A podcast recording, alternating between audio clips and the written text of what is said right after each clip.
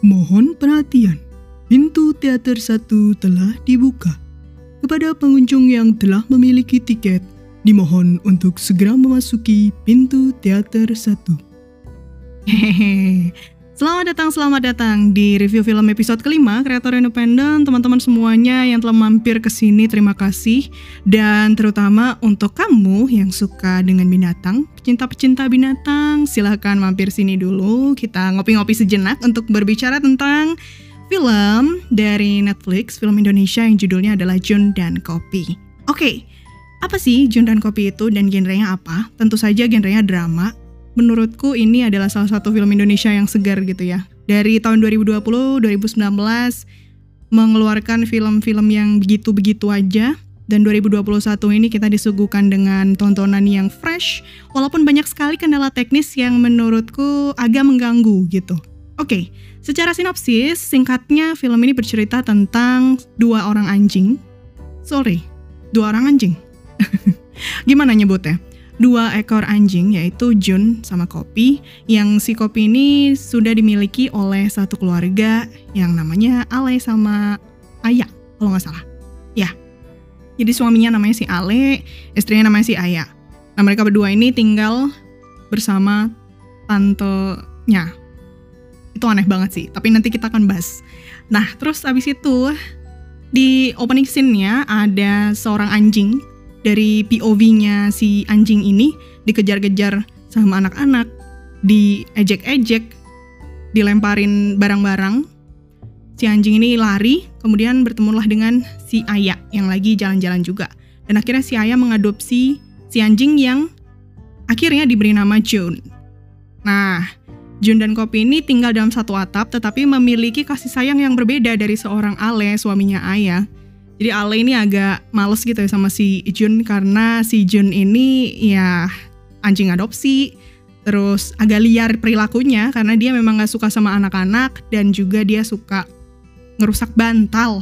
Apa pun yang ada kapuknya di dalamnya digigitin gitu teman-teman. Nah, kemudian dengan berjalannya waktu si ayah ini punya anak namanya Karin dan si Karin ini ternyata berbeda dengan anak-anak lain yang mendapat perlakuan yang tidak baik dari Jun. Karin ini dekat banget sama Jun. Hingga suatu saat ya klise ya lah ya. Satu keluarga ini datang ke suatu tempat wisata untuk berlibur gitu tanpa mereka berdua anjingnya. Tapi si Karin ini tiba-tiba tersesat. Ya udah, berarti siapa yang menyelamatkan gitu? Tentu saja dengan adegan yang satu ini kita langsung tahu oh ini endingnya pasti seperti ini gitu. Ya, karena si Jun dan Kopi ini ditahan di rumah mereka. Sorry, bukan ditahan. Dititipin sama tantenya dan tiba-tiba mereka kabur begitu saja karena mereka nggak mau ketinggalan sama Ale, Ayah sama si Karin. Terus entah bagaimana caranya si Jun bisa menemukan si Karin dan si Karin bisa selamat. Tapi si Jun ini sorry untuk teman-teman yang benci spoiler tapi si Jun tidak terselamatkan.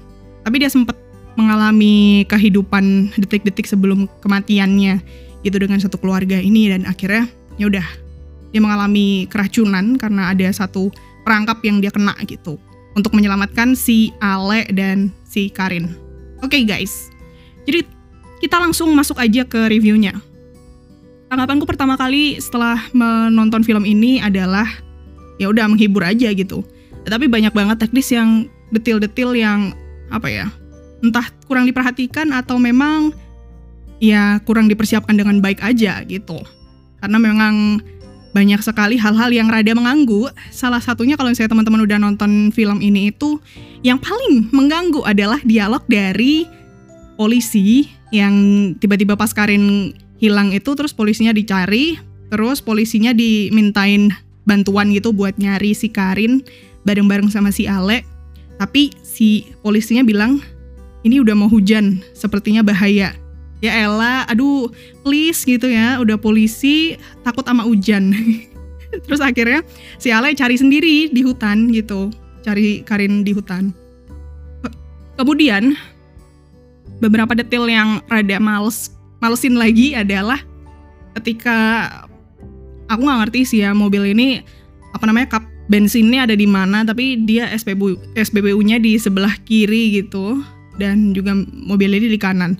um, correct me if I'm wrong gitu biasanya mobil itu kan di kanan ya ininya kap bensinnya tapi ya ya udahlah ya gitu kemudian teknis yang lain adalah beberapa perintilan yang nggak terlalu kecil. Ini nggak bisa dibilang kecil ya karena ya bayangin aja si Ale, Karin sama si Aya liburan gitu kan di suatu kota. Mungkin kalau nggak salah daerah Bandung deh pokoknya di puncak gitu. Terus tiba-tiba Jun dan Kopi ini berhasil menemukan mereka gitu. Tepat ketika si Karin tuh udah hilang. Nah si Karin hilang nih si Kopi datang terus si Kopi tahu Kopi ngasih nggak tahu ke Jun Jun cari si Karin dan si Kopi menenangkan si Aya. Itu udah kayak hmm kenapa semuanya serba kebetulan? Ya maklum film Indonesia. Terus apa lagi ya? Pokoknya masih banyak lagi detail-detail yang bikin kita hmm kok gini kok gitu? Ya udahlah ya.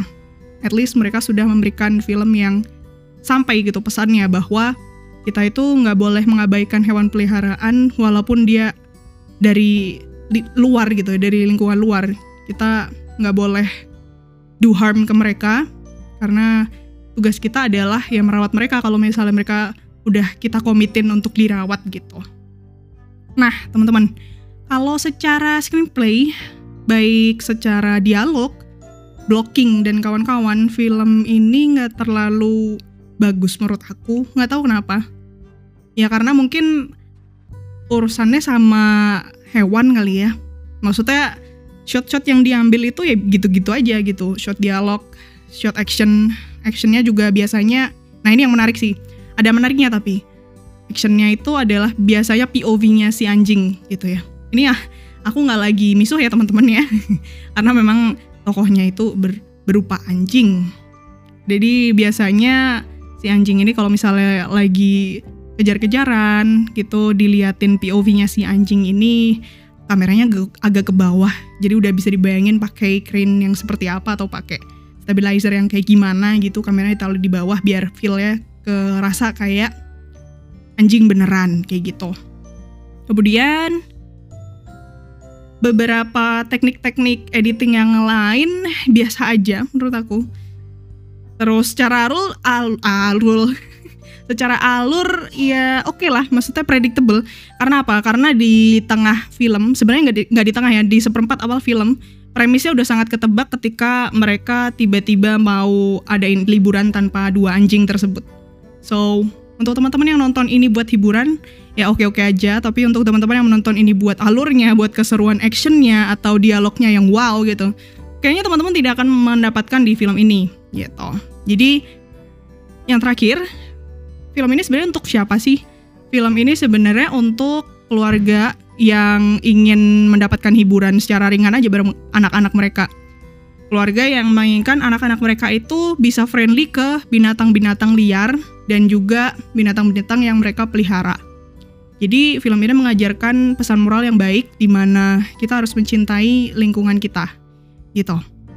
Dan juga mereka tuh pasti setia sama kita kok gitu. Contohnya Jun dan Kopi aja bisa setia dan bahkan menolong majikannya yang ya si Ale itu kan rada-rada nggak suka gitu sama si Jun rada pilih kasih tetapi akhirnya di akhir di scene-scene yang pas Jun abis dapet apa namanya luka itu dia akhirnya mulai menerima si Jun sebagai anjing yang dia sayangi gitu so overall film ini biasa aja secara teknis. Banyak sekali hal-hal janggal yang mungkin teman-teman nanti kalau misalnya udah tonton lagi banyak hal yang bikin ngakak gitu. Karena ini sangat nggak apa ya nggak rasional gitu.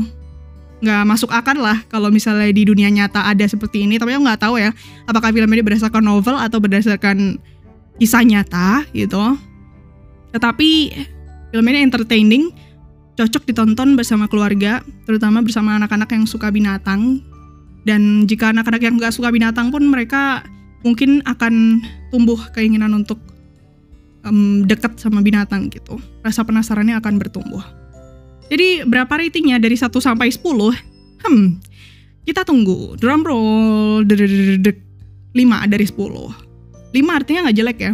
5 itu artinya secara teknis, screenplay, sinematografi, editing, scoring musik agak bagus gitu ya. Tapi yang lainnya biasa aja.